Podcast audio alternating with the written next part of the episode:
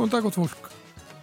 Það er samfélagið sem helsar ykkur á þessum uh, bjarta og fallega mánudegi hér í höfuborginni. Það er komin 30. oktober og það eru Guðmundur Pálsson og Arnildur Haldónardóttir sem eru umsjónamenn samfélagsins. Og við ætlum meðal annars að fjallum matarsóun. Hvað geta verslanir gert til að minka matarsóun? Fer mikið til spillis. Við förum í hálgerða eftirlitsferði í verslun bónus við Skútufó í Reykjavík og hittum þar Baldur Ólafsson markastjóra. Við heimsækjum líka þjóðskjálasafn Íslands eins og svo oft á mánudögum og þessu sinni ætlum við að skoða brefaskipti frá þriðja og fjórða áratug síðustu aldar vegna stittunar af Leifi Eiríksinni hefna. Indriði Svavar Sigursson skjálaverður ætlar að sína okkur brefin og rekja fyrir okkur söguna. Á tímum setni heimstýraldarinnar hafðist fjöldi breskra og bandariskra hermanna við í eigafyrði og ótal munir og minjar frá þessum tíma leikja grafnir í jörðu.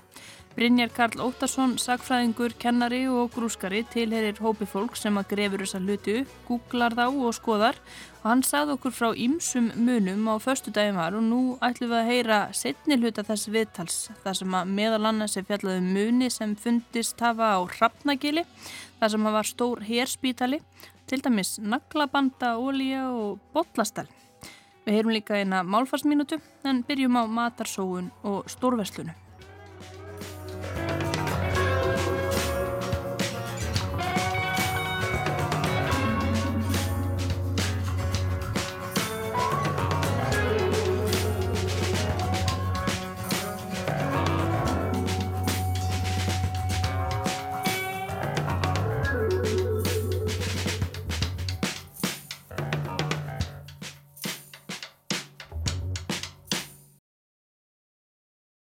Ég er í bónus í Skútvogi í Reykjavík. Þetta er fyrsta bónusverslunin sem var sett á laginnar. Klukkan rétt rúmlega tíu nýbúið að opna og fyrstu að tíja sig hérna inn og byrja að týna hún í körfunar. Og ég ætla að hitta Baldur Ólafsson markastjóra hér. Við ætlum að ræða aðeins um hvað verslanir geta gert til þess að minga matarsónu. Þetta er svona framhald af matarsónur umræðinu sem við vorum með í samfélaginu fyrir nokkrum vikum síðan þegar við tölum meðal annars við fulltrú umhverfstofnunar og svo mann sem að kalla sig gámadýfingamann og er að taka úr gámum á bakvið verslanir og nýta mat sem að það er henda.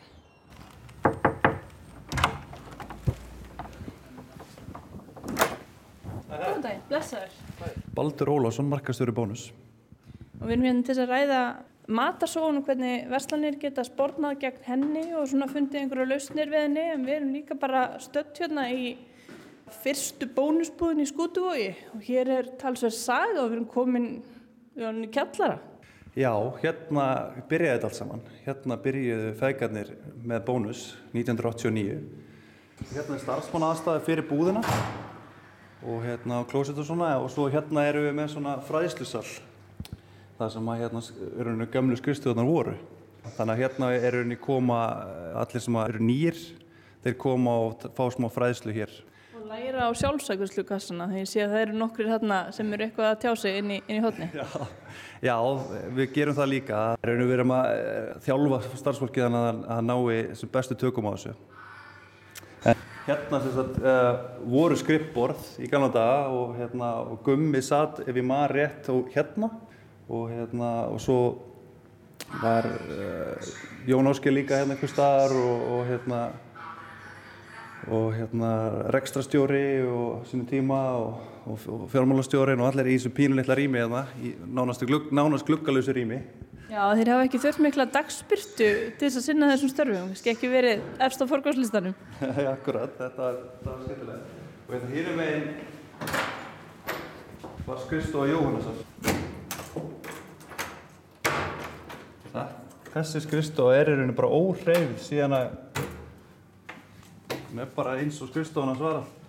Það er ásamantækt frá 2005, Akkurat. aug og eiru atvinnulífsins. Þannig að þetta er svona hálfgett samt bara. Já, í rauninni, í rauninni. Þannig að það er ekkert gert hérna nema eitthvað smá geimsla. Við geimum smá nokkru hluti Þá ætlum við að kíkja inn í þessa sögufrægu verslun og spurning hvort að Við getum tekið bara einhver raundæmi. Við erum hérna að ræða matarsóun, bara sóun almennt. Já. Góð tónlist hérna náttúrulega. Það er verið að fylla á. Það er verið að fylla á, þannig að það þarf aðeins að, aðeins að keira upp stemminguna, eða ekki? Ef þú segir mér bara hvernig þið vinni með matarsóun, reynið að koma í veg fyrir hana, hvaða leiðum beitir? Sko það er náttúrulega óhjákamilegt í okkar ekstri að það er alltaf eitthvað sóun og, hérna, og við náttúrulega reynum sem best, sem best að, hérna, að takmarka þessa sóun.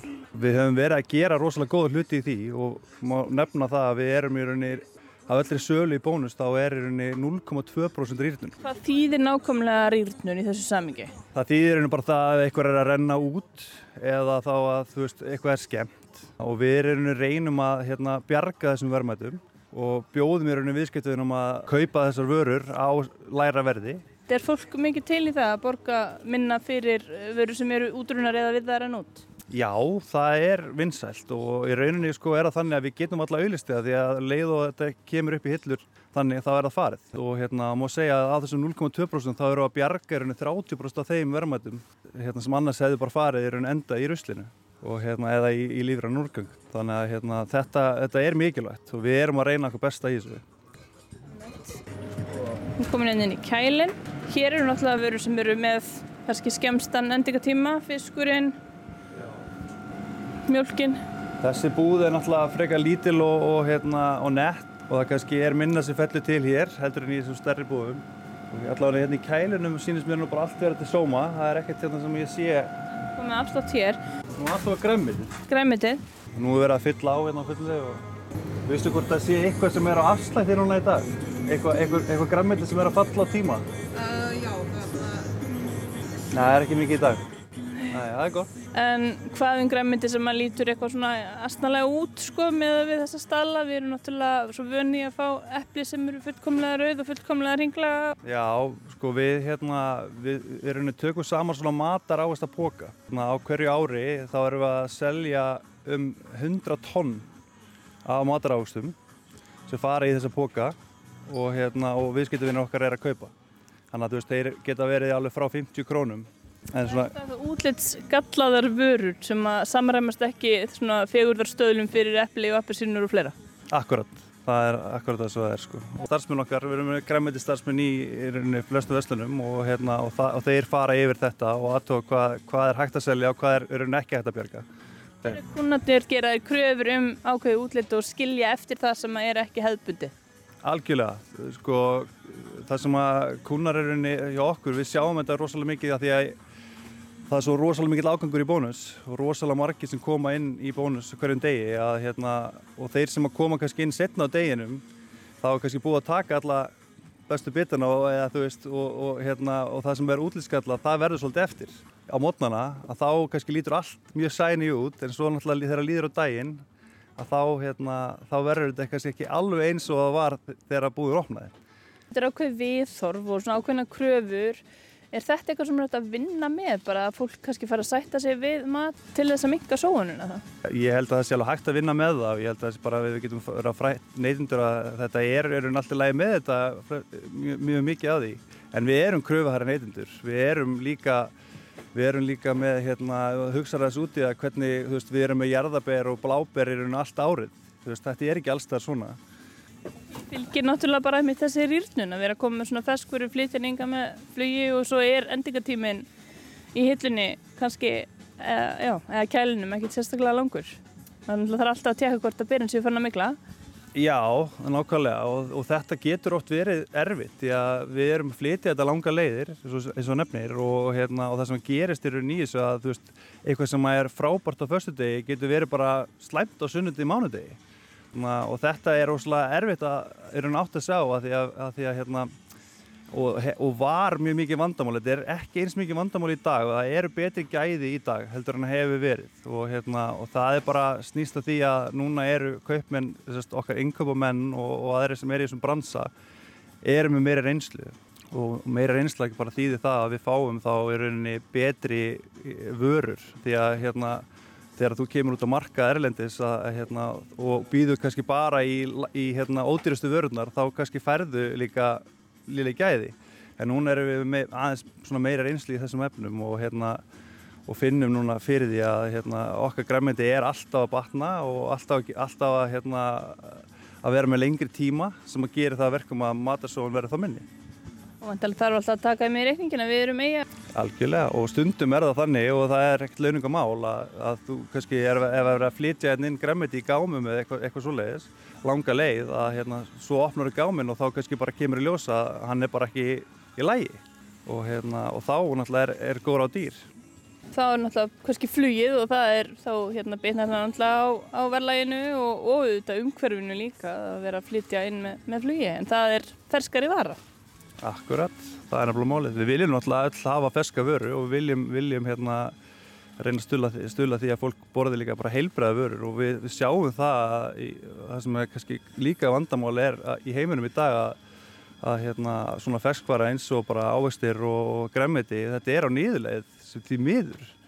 Að, hérna, og við erum að reyna, að, við hefum nú verið með dæmis bara að borða banana, að sé holdt millimál og svona, en við sjáum það að bananasalan okkar, hún er á nýðuleið. Hér eru við með nokkuð grasker sem að kannski hefur verið hafnað sökum útlits einhverjum þeirra sínst mér. Það eru neðst, það er búið að taka ansi mikið, hérna er eitt svona pínufarað mikla og eitt með svörtum skellum á.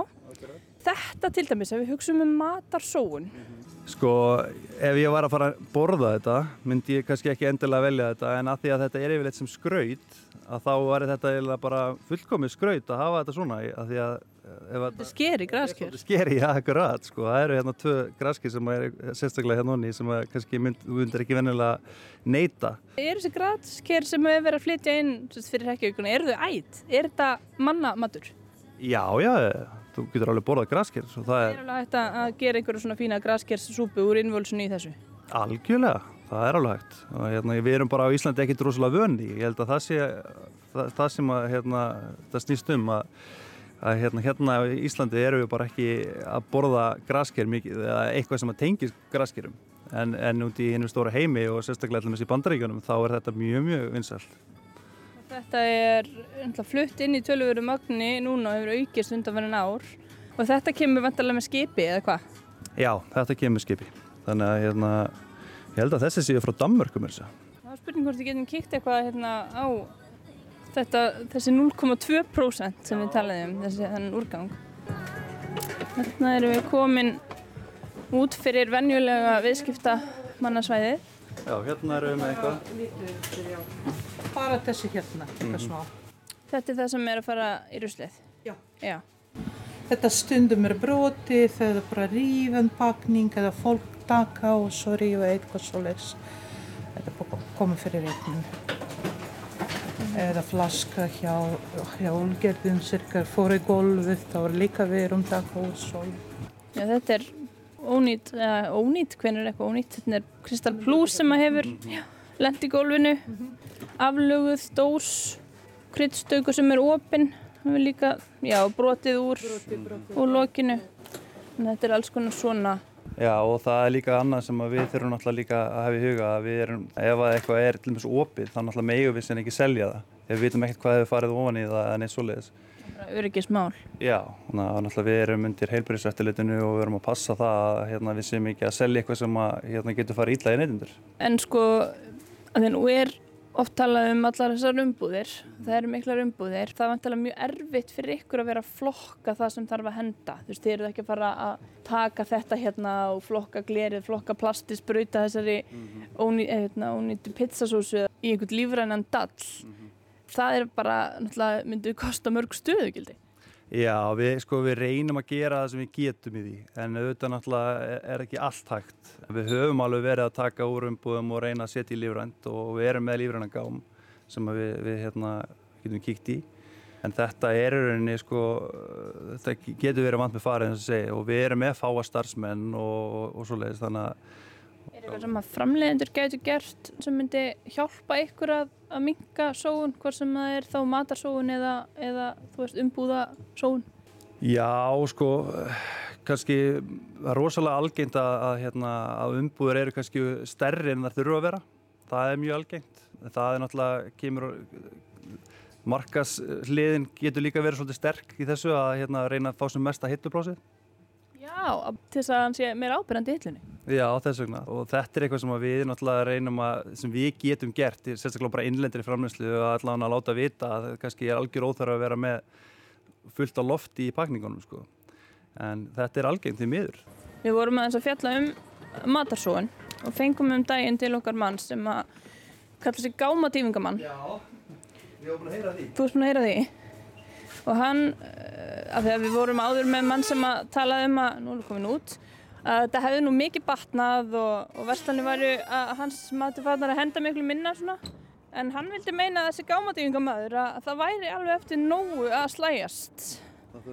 Hérna eru nú bara með svona frekar lítinn gám. Þetta er nú bara svona, hérna er eitt, tvö grasker, svolítið byggluð og Það er greinlega eftir að fara að séu þetta betur hérna. Hvernig á, eftir að fara betur yfir þetta? Ég held bara, ég sé það á bara eftir að hérna, sortir þetta aðeins betur, syns mér. Já, þetta er, er þetta lífræni gámur? Já. Þannig að það þarf að taka plastið, það er svolítið mikið plast. Það er plast í honum sko alltaf, þú veist, hérna sem tekur utan um þetta, en svo eftir að sortir aðeins betur, en, en hérna, en svo fer þetta í moltu. Þannig gámur líka, þetta er svona meira eins og gámandi sem fólk að sækja sér í matin í, Já, hef ég já. heyrt, sko. Er eftir einhver að slæjast hér? Er þetta að finna hérna 20 korflespakka eða eitthvað? Það er eitthvað spurning. Ó, hérna er hann næst. Og það er líka bara eitthvað öryggi. Af því að svo er spurning. Það er nýbúið að tæma hennan, það er ekki Já, mikið hér. Hér er mér það segja er búið að flokka gler, sé ég. Já, Og það hefur fólk haft fyrir því að, að skóla, já. taka hérna síldina úr krukunum og skóla þér. En það er þetta máli sko, að við, við viljum náttúrulega ekki að fólk sé að fara í gáman okkar. Af því að við, af því að hérna, þetta er náttúrulega bara öryggisvegna. Því að ef að fólk er að ná sér í eitthvað mat sem að, sem að getur verið bara, þú veist, það er svona eitraður eða eitthvað skilur þú veist, eða, eða bara ekki, Þetta hefur verið eitthvað innkallað Já, til dæmis, þú veist, og svo er það kannski að, herru, ég fann þetta hérna í bónus og ef ekki, ef ekki að fá okkur að borða og það getur bara valdið skada. Ef það er komið út í gám, þá er það ástæði fyrir því í flestum tilfellum. Við auðvitað náttúrulega gerast, gerast mistök líka. Við vitum það að við erum alls ekki fullkomin í þessu. Lókum bara fyrir framtíðin í því að reyna að minka matarsóun verslana. Sko, þetta snýst náttúrulega fyrst og fremst um líka byrðarhald. Bara að passa að vera ekki að panta inn eins í rauninni of mikið þannig að þú ha- hafir ekki það sem að þú, hérna, það er mikið til þess að sem fellur til. Og í rauninni okkar, við erum náttúrulega bara orðnir snillingar í því að hérna, panta rétt í búðunar okkar. Er ekki mikið sviðrum til þess að, bæta þetta? Eða þarf að horfa á þetta, bara hérna, fara í, eins og við erum talað um, bara ástíðabunir ávextir, eitthvað þess áttar til þess að minka sóun, horfa á þetta svona í viðara samhengi. Jú, ég, ég sko það er alltaf, alltaf hægt að bæta. Það er alveg klárt mál og hérna, við, við vitum það alveg klárlega. En, en hérna, og ég held líka einmitt að ef að neytundu bara þessi vissu, þú veist, hvernig og þú veist, hvaða sísón er í gangi því að þú veist, stundum, eða sérst sísón þegar ég segja að hvaða tímabil áherslarna er í gangi. Og þessu til dæmis bara, þú veist, í, á okkur tímabili, einhverju tímabili þá þurfum við að panta hérna, pe- eh, eh, blábir frá Peru og svo er það frá Pólandi kannski þú veist á einhverjum ákveðnum öðrum tímanbili og, hérna, og þetta getur alveg skipt máli ef, allir, ef fólk myndi bara sætta sig við að, að hérna, ekki vera með hérna, bláberaskýr eða eitthvað skilur í hérna á þessum tímabili þá væri þetta auðveldar jafnvel fyrir okkur líka. En, en, hérna, en þetta er bara neytundur eru orðinir miklu þeir voru og við sjáum það líka til dæmis bara með, með hérna, vörunúmerin hjá okkur að þau eru alltaf að veist, við erum alltaf að taka inn fleiri og fleiri vörur inn í veslarendar Þið eru ennþá á þeirri línu að viðskiptavinnurinn hafi alltaf, alltaf rétt fyrir sér og eru kannski ekki mikið að reyna svona ítónum í einhver ákveðnar áttur.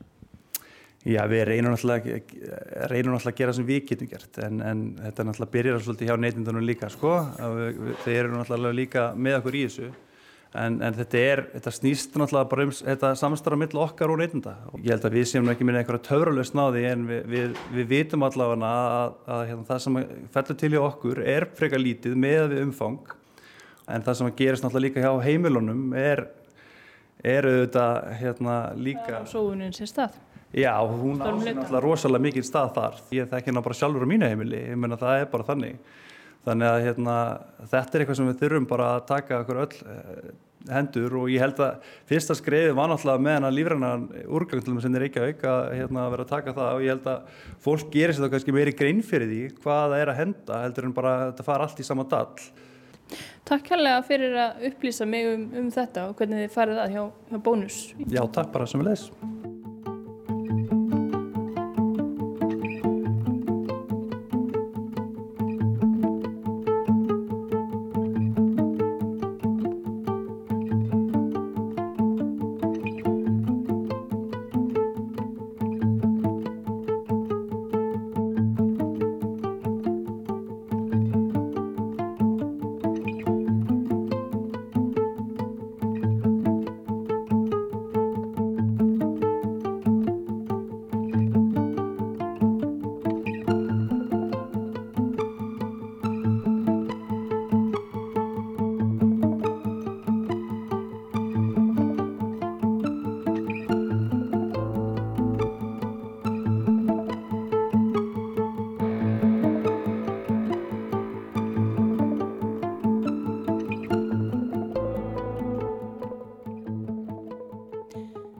Ætlum við að halda áfram að pæla í 80 ára gömlum munum sem að fundist hafa nýlega og tengjast veru, breska og bandaríska hersins á eigafjörðasvæðinu.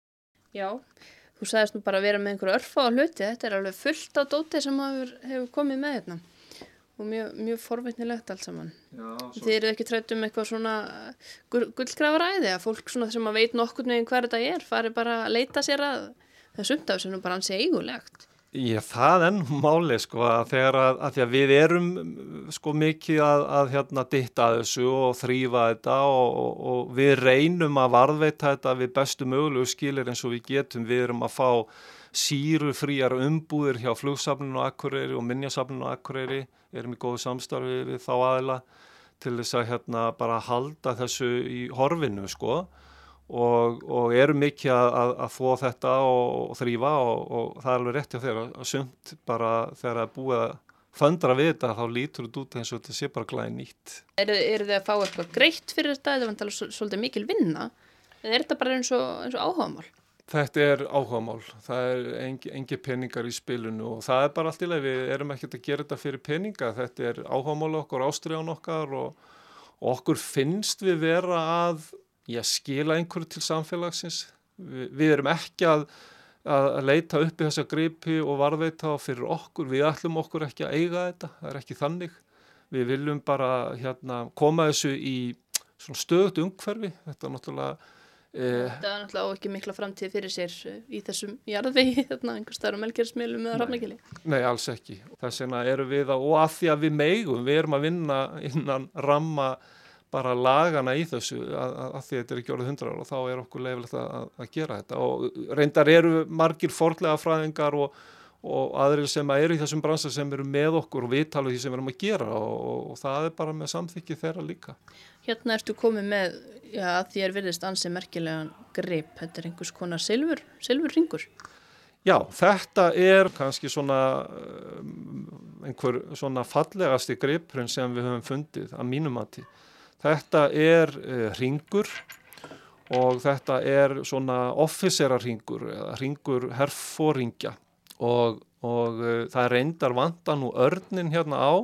Kanski er það ástæðan fyrir því að það er rauf hérna á fletinum þar sem að gildur örn stóð eða lág í þrývítar svona gildur örn, ég er búin að sjá það að myndum, kannski er það ástæðan fyrir því að, að við fundum þennan í Ruslahaug, að, að fóringin hefur fleikt og mögulega að því að örnin hefur dóttið af. Kannski ekki að flottur þessi ringur þegar vantar aðal, hann. Ekki alveg, en þó 80 árum síðar þá og búið aðeins að svona púsan upp, þá er þetta glæsilegu ringur og, og þetta er 90, skilst með 93% silfur og er frá einhverjum þekktum aðila í bandaríkjónum og við gáttum fundið út á merkingunum á hann að hann hefur verið búin til snemma í strínu, líklega 41 eða í síðastalega 42 og ringar af þessari gerð sem eru frá þeim tíma eru víst svona dalti merkilegir í þessum heimi grúskara á nettunum Fá, fá gætir eða sjálfgefir Já,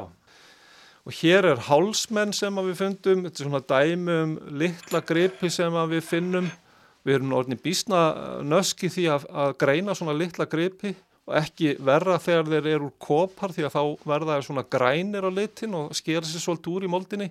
Já, þetta er lítið nisti eða, eða hálsmenn eða hvað? Já, þetta er lítið hálsmenn og eh, er líklega hefur sá sem bar þetta verið katholskur, það er hérna mynda Maríu mei og, og Jésu Kristi og alls konar einhver lítill tákn og bókstafir Eh, mér skilst nú að þessi eh, hálsmenn séu nú ekki til mörg í dag í heiminu, ég hef nú aðeins búin að grafa það upp á netinu.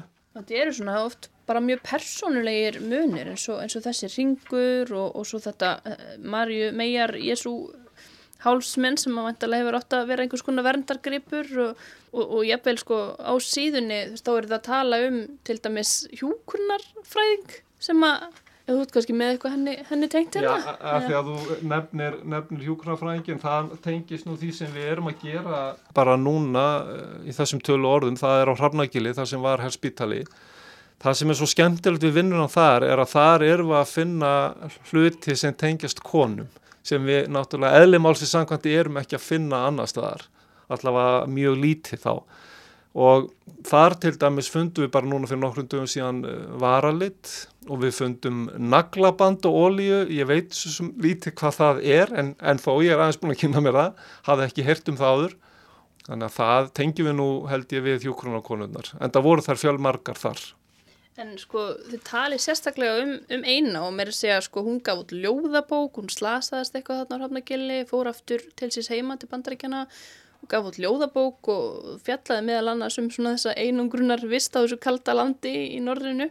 Og vitið þið sko, er þið búin að staðfesta það að þessi munir hafi tilhert henni eða er þið bara að segja þessa sögu bara svona til þess að vekja áhuga? Við erum bara að segja þessa sögu til þess að vekja áhuga og, og, og svona leik okkur með þetta, tengja þetta saman. Hins vegar er, er hún, hún var til og hún vann í eitt ár á sjúkrásunar Hramleikili. Hvað hétt hún þurr? Helen J. Armstrong og við erum alveg búin að finna myndir af henni á netinu og upplýsingar um að hún hafi slasast á Hramleikili og þess vegna þurfti að hætta störum þar og farið í, í aðgerðir og meðferð í bandaríkjónum þar sem hún sett í sama ljóðabók þar sem er meðal annars að finna nokkur ljóð sem tengjast veru hennar á Hrafnagili. Og þetta er eitthvað sem að ég bara segi fullum fettum hefur aldrei komið fyrir sjónir almennings áður hér. Þannig að mjög gaman þegar svona, við finnum svona sögur og náum að meðla þessu áfram en sko það gætu að hafa verið einhverja hundra aðrar hjúkronakonur sem áttu þennan varalit sem við fundum sko, það er, er umrætt að segja. En þetta brot hérna er, er dæmum það sem við fundið mjög mikið af. Ég veit ekki hvort þú getur lesið hérna á merki, þetta er kaffibotli liklega Já, það er uh, United States uh, Army Medical Department Uh, þetta er bollastellið frá hjúkrunardeild bandariska hersins. Og við erum að finna þarna uh, kaffibotla sósutarinur og, og, og krukkur og ímislegt sem er mert sagt, bandariska uh, hjúkrunarliðinu sérstaklega. Þetta er alveg gljáandi postulín það, það hefur varðvist ansið vel Já, þetta er kannski það sem varveitist best í þessum haugum. Sko, reglan hjá hernum var að, að, að reyna að farga sem því að brenna þetta eða koma kólum fyrir ofan í hólu og kveiki upp í þeim og, og henda svo draslun ofan í og leiði við þess að matla. En svo náttúrulega er bara svo margt sem að sleppur og, og gler sleppur. Það þarf að vera alveg í miðju hittans til þess að bráni. Ef það er í jæðurinn þá sleppur það eins og þessi kókflaska hérna. Hún er varð... bara eins og, já, það er ekki svona í dag kókflöskurnar, þessi er svolítið svona antík en, en það er ekkert eins og hún hefði verið hún í jörðinni í, í 80 ár. Nei, hún lítur nefnilega alveg sérstaklega vel út. Ég, ég tók þess að því hún lítur best út. Við höfum fundið sex heilar kókflöskur á Hrafnagíli sem að eru, og fyrir kóknörda, þá sem að þekk eitthvað sögu kók, þá eru þetta svolítið merkilega flöskur því að þetta eru flöskur sem eru framleitar fyrir stríð og hafa verið í sölu í bandaríkjónum þar og lenda svo hérna á strísarum og enda svo ofan í jörðu þarna hrafnagíli og eru svona grænleitar eins og flöskurnar voru á strísarunum. Ég er svona, flöskurnar er svolítið mitt sérstaklega áhuga mál í þessu. Eh, ég er búin að grúska mikið í þeim og ég eða hoppaði hæðmina þegar við fundum þessar fyrstu heilu kókflöskur. Vorum búin að býja lengi eftir þeim. Það eru svona svolítið maður sér það bara alveg sama hvar sem er í heiminu sko þegar menn er að finna strísminar alltaf þegar að finnast kókflöskur þá er það alltaf, það eru tíðindi. Það var eitthvað svona sérsamningu sem að Coca-Cola gerði við, við herin að allir herrmenn áttu alltaf að geta fengið kók á, á viðránlegu verði hvar sem þeir voru í heiminu Já, það var akkurat þannig, það var hérna samningur sem að herin gerði við, við Coca-Cola Company og, uh, og svo reyndar gekk það enn lengra á 1943 þegar Eisenhower uh, svona kalla eftir ennfrekkara samstarfi. Þannig að þarna svolítið byrjar saga Coca-Cola fyrir alvöru, það er á strísárunum eins og til dæmis þessi kókflaska og, og fleiri flöskur, skemmtilega flöskur sem að, já, eru bara sjást ekkert lengur í dag. Og svo er önnur, öllu stærri græn flaska hérna sem er nú, hún er þó að fólk geti haft mikið náhuga á kókflöskum þá er þessi nú aðeins veglegri og svona meira skreitt heldur en, heldur en kókflaskan. Já, sko, kókflaskan er drotningin í flöskonum sem við erum að finna í öllum þessum aragrúa sem við finnum á alls konar vínflöskum og bjórflöskum og öðru. En þetta held ég að sé svona fallegasta flaskan og hún er líklega orðin sko 100 ára eða alltaf því allavega, Alvöru fórtgripur hérna. já, það fer allavega nálgast það því að þessi drikkur var e, til sölu í Breitlandi um 1920 heitir Idris London og hún er svo faglega skreitt með alls konar ávöxtum, perum og eplum og einhverju og þetta var ávakstadrykkur. Við vissum ekki fyrst hvað, hvað þetta var, gerðum ráð fyrir að þetta væri eitthvað áfengi því að oftast er það nú það, en svo er ekki. Þetta, þetta hérna var, er svona einhver ávakstadrykkur sem að þeir hafa verið með. Og við höfum verið að finna brota þessum flöskum víðar upp í hlýðarfjalli og, og hér á Akureyri. En þessi fannst í Hörgárdal. Og svo er ég hérna með gaffal, þennan fundum við upp í hlýðarfjalli og líklega hefur nú einhver bara mist hann þar ofan í snjóin og tíntonum, ólíklegt að hann hafi alltaf að henda þessum gafli, hann er mjög veglegur og það sem er skemmtilegt við hann er að hann er mertur, hann er náttúrulega mertur með ártal 1940 NS eða Nickel Silver og frá fyrirtækinu Bisbee sem ég held að hafi verið í Sheffield og svo er það þessi litla ör ef þú sér þannig. Já, fyrir ofan, já. Já, þetta er uh, það sem heitir á ennsku Broad Arrow eða Wardy Arrow fyrir War Department Arrow. Það er að segja breskir gripir voru mjög ofta mertir með þessari ör og þetta er framleitt sérstaklega fyrir breska herin fyrir setni heimstyrjöldina. Það er einmitt verið, þurft að framleiða helgjarnar óskup og alls konar dóti fyrir þessa hermenu, fyrir herin og bara ágættis hugmynd kannski að merkja það þá allt bara. Já. Og átti ekki að fara fram hjá innum og þetta var einhver svona sem var notað í hernum Já. en ekki eitthvað inn á heimilum fólks bara. Einmitt. En lendi svo reyndar inn á heimilum fólks eftir stríð hér og, og að því hún nefnir þetta og kannski bara gaman að nefna það við þá sem er að hlusta að hérna kíkja í skúfurnar hjá sér og, og hjá M og Afa og á borðbúnaðin og, og, og, og glös og annað því að við vitum það að eftir stríð þá lendi eitthvað að þessu dóti bara hjá fólki hér. Skildu hermenninni bara þeir byggun allir bröggum og skildu bara allt leirtauð og dótaríð eftir, kannski nefndi ekkert að taka það heim þegar stríðið var búið. Já, þeir skildu eitt og annað eftir því að, að eins og þú sagðir á hann sko að, að þetta var framleitt og, og fyrir, fyrir herin sérstaklega og, og, og stríðið og svo þegar þessu líkur eða þegar þeir eru uh, kallaðir tilbaka til Evrópu til að berjast þar að þá kannski er ekki til mikils að vera eitthvað að taka svona dót með sér. Þetta var búið til fyrir þessar aðstæður þennan tíma. Og það er hægt að, skoða myndir af þessu og lesa meira um þetta inn á vefsíðun ykkar. Já, grendargral.is og svo erum við með fjöspókarsíðu líka sem við kallum varðveslum menn minjan og það er eiginlega svona undirdeild grendargralsins. Vi, við, við höfum svona þetta skemmtilega nafn varðveslum menn minjana og göngum, göngum til verka undir því, því nafni og fólk getur kíkt á Facebook að það vil. Þar setjum við inn myndir og frettir af því sem við erum að uppgötta. Hátíðlegt nafn, varðvislu menn, minjana. Já, sögum finnst það svolítið nördalegt en það er bara alltaf það því að við, við höfum gaman að vera svolítið nördar í þessu, bara, bara guðs í lof fyrir nördismann. Látum það verða loka orðin. Og þetta var Brynjar Karl Óttarsson, sagfræðingur og kennari. Og ég myndilegt sem að hefur komið þarna í ljós í þessu grúski Já, mjög varveslumannana. Varvislumanna minjana. Já, já. einmitt.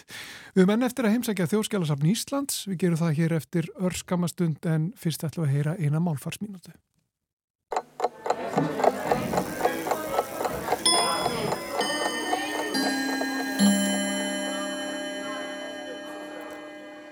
Hvár er nýtt orð í íslensku? Mörgum reynist erfitt að skilja það og finna út úr hvernig á að beigja það. Í stuttumáli beigist hvár alveg eins og orðið hár, í eintölu og flirtölu og með og án greinis. Hvár hefur fast kyn, það lagar sig ekki að kyni orðana sem það stendur með, eins og til dæmis lýsingarorð. Lýsingarorð með hvár eru í kórukinni, alveg eins og þau eru í kvenkinni með kvenkinsorðinu kona og í karlkinni með karlkinsorðinu maður til dæmis ljóshært kvár, ljóshærð kona og ljóshærður maður. Merking orðsins kvár er sambærileg við merkingu orðana kona og maður.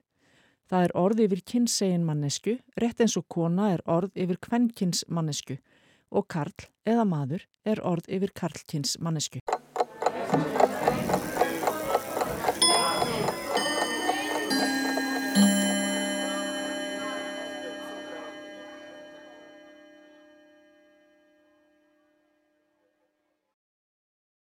Þá er ég komin á Þjóðskjálasafn Íslands og uh, hér hjá mér er Indriði Svavar Sigursson skjálavörður með mikið af uh, gögnum bref aðala uh, velrituð bref og þetta eru gögn frá hvað tíma? Þriðja áratögnum, ekki?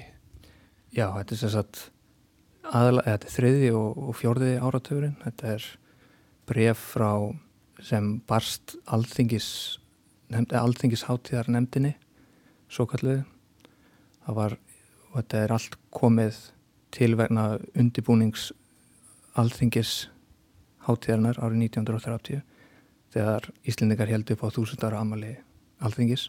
Eins og margir vita þá ákveði bandaríkjumenn að nýta tilhemnið og gefa Íslendingum stýttu af Leifi, Eiríkssoni Leifi Hemna sem núna stendur á skólaverðaðinni og hefur verið þar síðan 1932 þegar hún var afhend.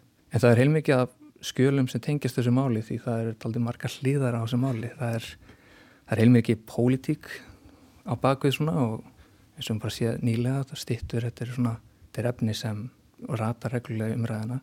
En ég tók hérna um 10-11 bref sjáum til hvað er náðan farið mikið. Já. Þau eru miklu fleiri, sko, bara svo það sé sagt. Þetta eru mörg hundrubrif sem eru á borðinu. Ég, ég er hérna með uh, fjóra kassa úr fjórum skjálasögnum en þetta er aðalega úr uh, fórstisraðanætinu og sendiráðan í Washington. Uh, en skjölinn sem er eldst, einu eldsta skjáli, eða svona eitt af því eldsta er frá 1928 og er bref til Tryggva Þóraldssonar, fórstisraðara. Þetta er bref ritað af Ragnari Kvaran sem var fórsetið þjóðræknisfélags Íslendinga eða vestur Íslendinga sem sagt. Og það er einn að kynna þessa hugmynd nefnir það að, að félagið hegst senda Íslendinga heim sagt, til að vera viðstattir alþengisháttíðana uh, og síðan fer hann strax eða fljótt nefnir hann mann nokkun Guðmund Grímsson dómara í Norður Dakota hann segja hans í áhrifamikil maður og mikil svirtur og hefur áhugað því að nota aðstöðu sína til þess að stuðla því að bandaríkinn síni í Íslandi einhvern sóma við aldringisáttíðana og hefur nátt tal við senatora ríkisins um nokkra og nokkra þingmenn að það ætti vel við að bandaríkinn sendu eir líkneski af leifi hefna. Þannig að þannig er komin þessi hugmynd sko um að, bandaríkinn myndi gefa Íslandingum þessa stittu til en við þúsutara amalist áþingis en hann tekur fram sko að, að þetta er, er til dæla viðkvæmt mál og segir sko en telja nokkuð líklegt að farið sé lípurlega með málið. Og þá eru bæði það að, að þérna banderska þingi þetta samþykja þetta og þannig að það voru kostningar 1929 og síðan voru líka menninga átök katholika og norranna manna sem er tekið fram hérna sko að, að katholika vilja gera meira úr landafundi kólubussar en, en en, en normin alltaf hefut. Síðan kannski mikilvægast af þessu öllu er hérna alveg í lokin, svo ég lesi bara hérna beint upp og þá segja hann sko þá vil ég að lokum geta þess að ímsum hér er það nokkuð kapsmál að norðmunum takist ekki að leggja undir sig allt sem Íslandi verður talið til sóma. Þeir egna sér leif fullum fetum eins og annars allt sem lítar, lítur af afrögum, verklegum eða bók, bóklegum Íslendinga eða vel allra Norðurlanda þjóða. Þannig að gott að nýta kannski tækifæri til þess að klekja þess á, á normunum í leðinni. Það er fullt af bregða minna sem ég til miður kemst ekki yfir öll að til og með breyfana frá Einar Jónssoni og einhverjum, einhverjum manni í New York þar sem að hann tekur fram sko, kannski þið fundið það bara. Einar Jónssoni myndtökvara. Myndtökvara, sem sagt. Og þá er að tala um sko, að hvaða mæli sérstaklega með að Nína Sæmundsson fái að hanna stittuna þess að það var haldinn samkefni í bandaríkjum 1929 mm. og maður namni Alexander Sterling Calder vann. Nína lendi öðru seti en hérna er þess að bref sem eh, Einar hefur skrifað þessu manni, þetta er Karl Petersson í New York.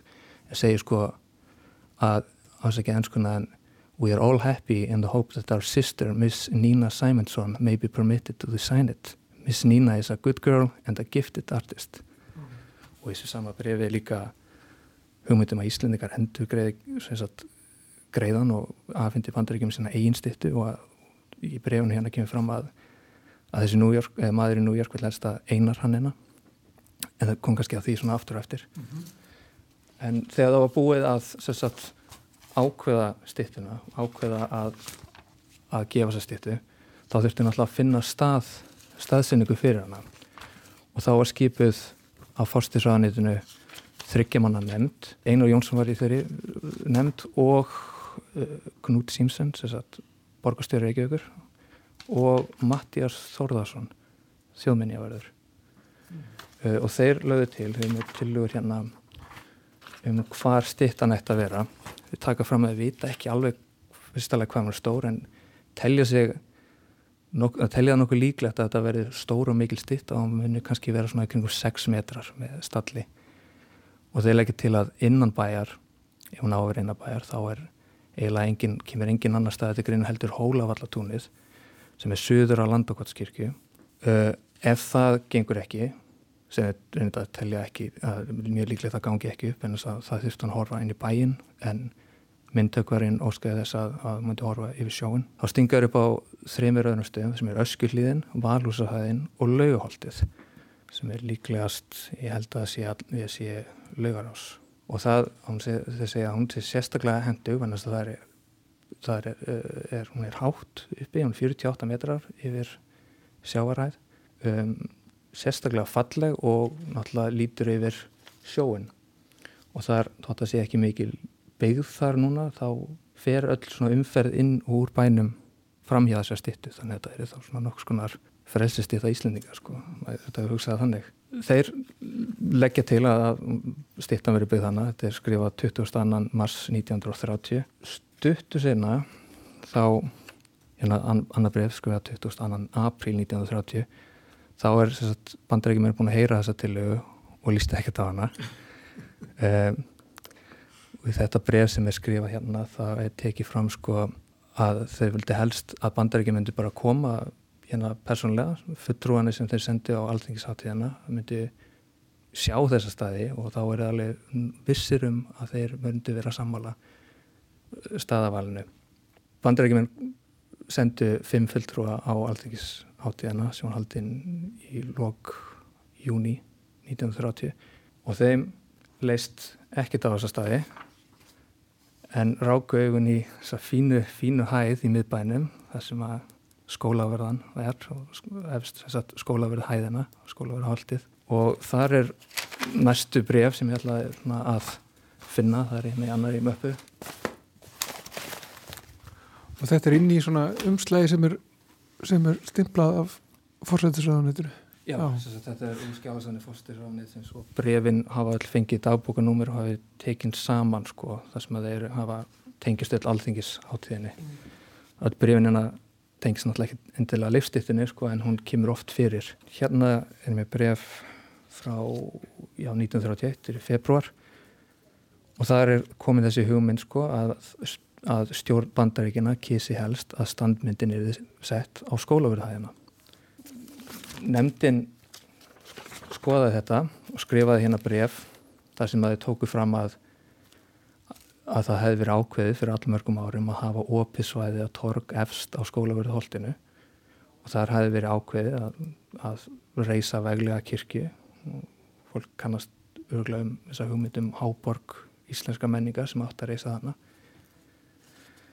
En þess að til taka fram að að það er nú hægt að hafa þessa stýttu þarna upp á hæðinni ef hún það þurft að hliður henni að vísu svolítið sko og taka fram að hún gæti verið hún myndi þá kannski líta ágjörlega uh, eh, ef framhlið eh, minnismerkisins snýri að dýrum kirkjunar, fyrirhugðu kirkjunar eða jámil sunnan að henni, hún stæði þar. Þannig að koma að taka þessar tvær hugmyndir hérna og taka fram sko að að báði staðinu henda ágjörlega Eh, þannig að þið samþykja þetta svona í lokin en, en taka þó fram að þetta finnst laugar uh, laugaholtið en þá besta staðsendingin nú bæjarstjórin þurft að samþykja þetta líka, líka og henni bref þar sem að hann samþykir þetta en, en tekur þó fram að mikill hluti bæjarfylgdurana til er óheipilegt að standmyndin veði reist á skólaverðaðinni. Vill bæjarstjónin eftir atvikum heimila að myndin veri reist þar á þeim stað sem getur um í byrjifi nefndarinnar. Þannig að þeir samþýtt þetta en svolítið með kannski hangandi hendi. Eins og segi þá var stittan afhengt og 1932 í 17. júli 1932 og það var hátileg aftöfn. Ég með hérna það sem að það sem að fórsetisraður sagði á af, að, hérna aðtöfninni og það sem borgastjóri sagði. Og kannski sérstaklega fyrstulega kannski taka fram að, að hérna fórsetisraður sem tók til máls sem þá var Ásker Áskersson segir að að verkið er í raun hálf klára það átti alltaf að vera tjörn fyrir framann leif hún átti að standa við vatn uh, borgarstjórin sem er Knut Simsen þannig endar sína ræði með því að ávarpa Íslendinga eða Reykvíkinga og hann gæti aldrei lesa þetta þannig að í ljósi þess sem gerist þá var þetta aldrei fyndið hann segir Ungir menn og konur, börn og fullonir, leifurhefni er falin ykkur til varveislu. 932 ár eru liðin síðan leifur fann Vínland til góða. Minning hans og afreg hans munu enn geimast um þúsundir ára. Sjáuðum að líkneskið hér geimist óskatað jafn lengi. Þetta er að 1932 og í mars 1933 er skrifað í vísi um að umgengnin þannig í kringum þessa stýttu var kannski ekki alveg til fyrirmyndar og stend, ef, ef ég les hérna beint úr því sem skrifaði í vísi bara svona til gamans, þá stendur sko en hver var svo varðveislan? Engin og verri en engin, það kom brátt í ljós en nótt tók að dimma að menn notiði fótstallamindennar sem afdrepp fyrir verk sem ekki eru unnin á almanna færi. Þeir sörguði fótstallin og svífurti myndina. Nú er svo ástætt að baklið fótstallans er mjög sörguð og fílamegn þar út frá en við slíkan ósoma og skrælingi hátt má eigi lengi búa. Þannig að við vorum ekki lengi með þessa stittu þannig til að þannig til að við fórum að hugsa íllumanna en uh, sko ef, ef þetta hefði bara verið á síðum Reykjavíkublaðina þá hefði þetta kannski ekki verið neitt stórmál. En það sem gerist síðan er að Sveini Björnssoni sendi herra Íslands í Danmarku berst sko fær fyrirspunn frá, eða kannski bara ég lesi eða bara hluta brefni, hann skrifa sér satt bref til fórstisraðara og segir að sendiráði hefði fengið fyrir, fyrirspunn frá Washington hvort satt megi satt myndi að mjög ill umgengni væri um minnisvarðan af leifi hefna sem bandaríkinn gáu Íslandi í tilumni af þúsundara ámæli alþykis. Orsökinn til fyrirspunnar er svo að ferðamenn frá bandaríkjunum sem komið hafa til Reykjavíkur sumar hafa borið það fréttir að svo illa væri umgengið að vansamt væri af. Þetta er að fyrirspurn uh, frá Washington og það er fórstöðum að það sendir á spandaríkina sem tekur þetta upp við hérna Svein Björnsson. Hann tekur það fram að þetta sé algjörlega prívat mál og stendur hérna sinna. Fórstöðum að það undirstreika að hann kemur til mín prívat ekki með umkvörtun heldur til þess að fá leiðbindingu um hvernig hann ætti að svara fyrirspunni hafði við slegið upp á því að Reykjavíkubær eða ríkistjónin treysti sér ekki til venna kostnar eða annars að verja minnismarðan hvort ekki myndi hægt með samskotum í bandaríkunum eða annan átt að fá fétt til þess að gera girðingu um svæðið sem stittan stendur á. En það hann segir sko hérna Sveit Björnsson sko ég tjáði honum með tilvísin til þess sem ég hef síðið Reykjavíkublöðunum að hér myndi eitthvað ábútt á hand en maski gert og mikið úr af sögunni. Um, og að blöðin í Reykjavík hefur þegar í sum, suma hreiftu því að bæta þurftu umgengina hefði það eftir vill þegar haft áhrif. Nú hann enda brifið á að segja og taka fram sko les hérna upp úr þessu persónulega tel ég æskilegt að hægt væri að gefa pósitív svar eða upplýsingar ofinber samskot í bandaríkjunum til þess að koma upp gerðingu eða öðru til að venda þessar ekki bandaríkjana til Íslands þurfti helst að hindra vegna þess óorðs um menningar ástand okkar sem að slíku liti. Mm. Þetta er sendt á frá fórstisraðanetinu á borgstjóran í Reykjavík og þar er svarar hann með að segja að, að það er nú þegar verið settu vörður við minnisvarðan og ég held að þessi einaskiptið sem hefur verið einhver vörður sem hefur staðið fyrir utan stittu og líka að bæjar á það hefur falið bæjarverkfræðingum að gera tillögur um framtíða skipala hjá minnisvarðanum. Það sem þetta átti að reysa girðingu þannig ég veit ekki til með að það hefur nokt tíma verið gert samt. Mm -hmm. en þannig að þetta er einskiptið sem er vörður og það, það girðan af.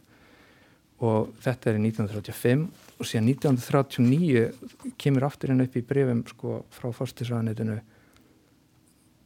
annað bref stílað á borgastjóran það sem er hamra á þessu fjórum ára setna sko að það þaldist þýðinga mikið að ekki geðist frekar tilhengið til umkvartana, umkvartana frá gefendum út af vanhyrðu á minnisvarðanum og sinnuleysum umhverju hans.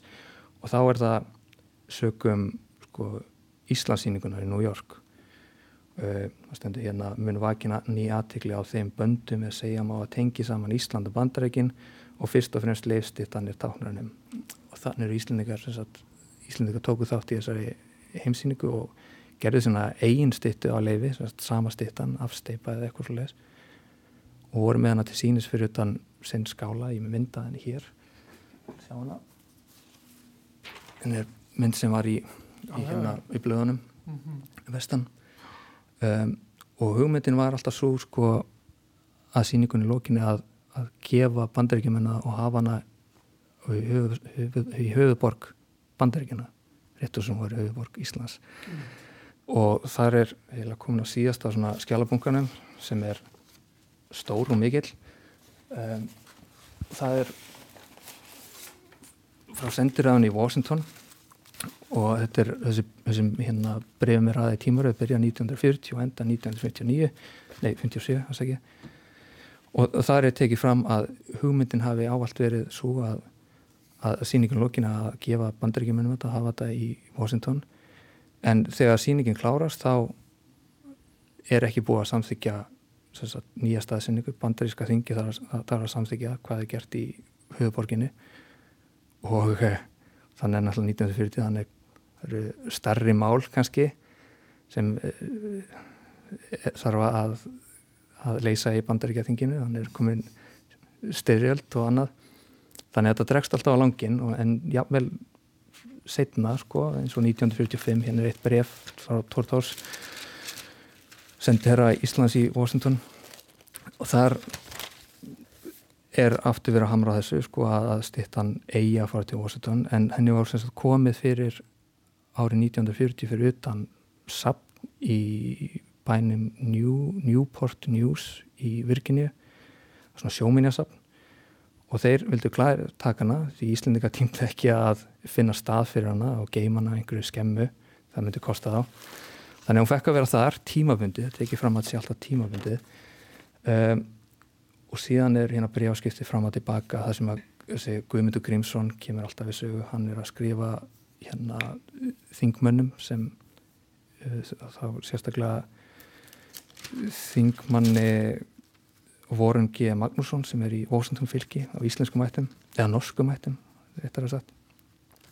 sem tekur bara vel í þetta að, að, að flytja stittinu og, og er tilbúin að flytja þetta mál fyrir þingi og fá þetta samþitt en þá er það alltaf peningar. Það kostar að flytja þessa stittu og tölunar er svolítið að ríkin það er að tala um svona 60.000 dólar um, þannig að stittan fær alltaf að vera fyrir utan þetta sjóminjasa og þegar Guðmundur Grímsson nefnir þetta við Magnússon við hérna öldunga þingmannin Magnússon þá stingur hann upp á því að, að Íslendikar leiti til, til, leiti til normanna og beði þá um að, sagt, að hjálpa þá með að fjármagna það að flytja stittuna til Washington. Og þá eiginlega líkur þessu máli og það er hérna síðasta brefið í þessu um, það er skrifað frá Tortórs til Richard Beck sem þá var hann fórseti þjóðrækisfélagsins skrifið 1957 og það stendur hérna, kæri vinnur hvað snertir stittu Leifs Eiríkssonar þá getur þú verið viss um það að mér er kunnugt um samþygt þá sem gjörð var á þjóðþingi bandaríkjana því að ég hef verið í stöðugu sambandi við senator Magnusson og verið í eftirrekstur við hann og aðra senatora. Mér er það einnig alveg ljóst að áhugi senator Magnusson er ekki vegna Íslendinga heldur vegna hérna mörgu kjósenda hans í Washington ríki sem er á norskum mættum. Mér er það líka ljóst að það er algjör eigðilegging á málinu að fara að blanda norðmönum inn í það. Enda myndi áhuga þeirra fljótlega breytist í anstöðu þegar þeir fá að vita að á stittunni er leifur kallar Son of Iceland. Ég er fegin því að þú ert mér samála um að best er að geima stittuna það sem hún nú er og að það varst ekkit að svo stöttu. Þetta sem ég hef hér sagt er trúnaðamál og vildi ég óska að vinur vor hæstaréttadómari Guðmundur Grímsson forðaði okkur frá frekari afskiptu normanna að málinu. Auðvitað elskum við frændur voru normenn en leif viljum við fá að eiga í friði. Og þannig er þessi stitta held ég ennþá. Gaman að fá að, grúska hérna í þessum, þessum brefum Indriði Svavar Sigursson skjálaförður hér á, á þjóðskjálasafni Íslands. Takk fyrir að taka mót okkur hérna. Já, takk, takk sem við leiðis og við erum að lenda hér í tæknilegum veruleikum hérna í í lókþáttar, það er nefnilega mánudagur í, í tækjunum. En uh, við fyrum að segja þetta gott tíðan í uh, frá uh, úr samfélaginu í dag. Og núna kiptu, við henni tæknilegum veruleikum í liðin samfélagið verður ekki lengra í dag Guðmundur og Artildur þakka fyrir sig. Við verðum aftur á morgun með allt á hreinu. Öll tæknumál í lægi og svo framvegis. Lofum því, hér með. Heyrst á morgun, verið sæl.